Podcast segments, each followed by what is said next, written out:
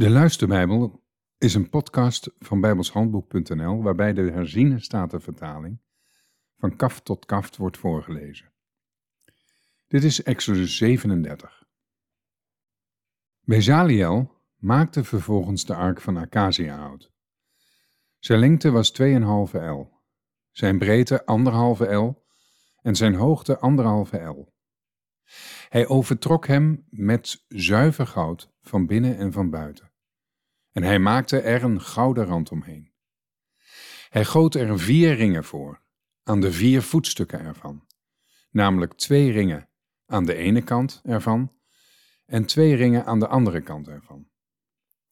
Verder maakte hij draagbomen van acaciahout en overtrok die met goud.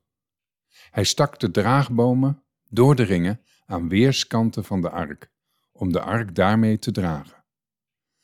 Vervolgens maakte hij een verzoendeksel van zuiver goud. Zijn lengte was 2,5 el en zijn breedte 1,5 el. Ook maakte hij twee gerubs van goud.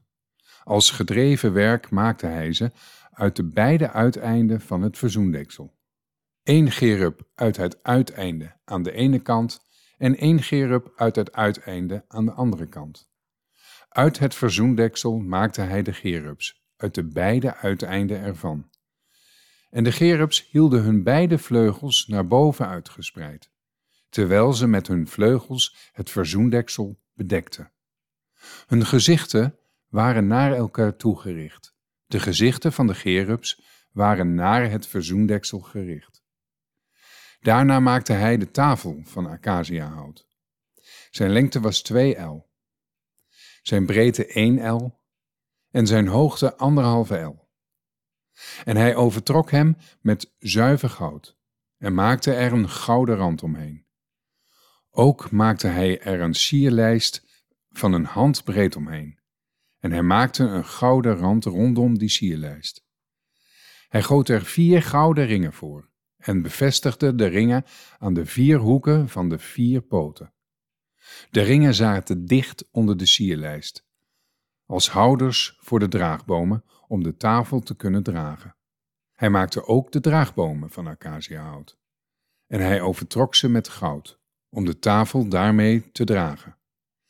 En hij maakte de voorwerpen die op de tafel moesten staan van zuiver goud, de bijbehorende schotels, schalen, kommen en kannen, waarmee plengoffers gebracht worden. Hij maakte vervolgens de kandelaar van zuiver goud, als gedreven werk maakte hij de kandelaar.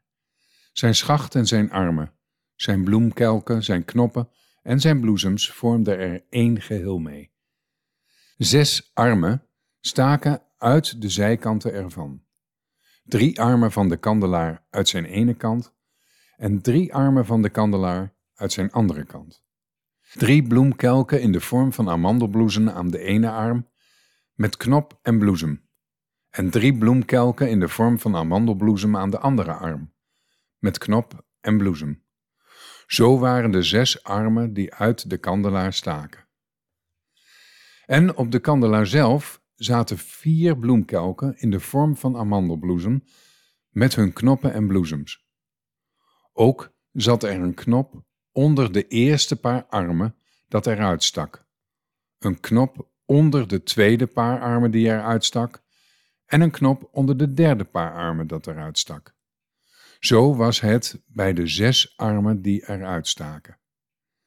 Zijn knoppen en zijn armen vormden met de kandelaar één geheel. Het geheel was één stuk gedreven werk van zuiver goud.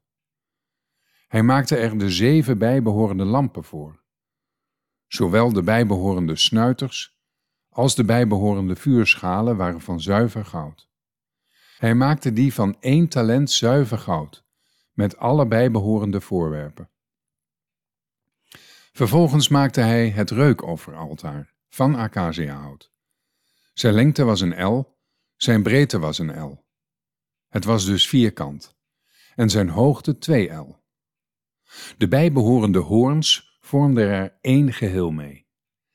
Hij overtrok het met zuiver goud, zijn bovenkant, zijn wanden rondom en zijn hoorns. En hij maakte er een gouden rand omheen.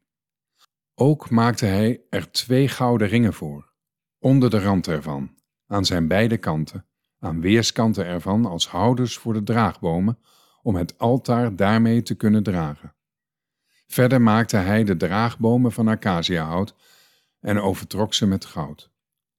Ook maakte hij de heilige zalfolie en zuiver geurig reukwerk, werk van een zalfbereider. Tot zover.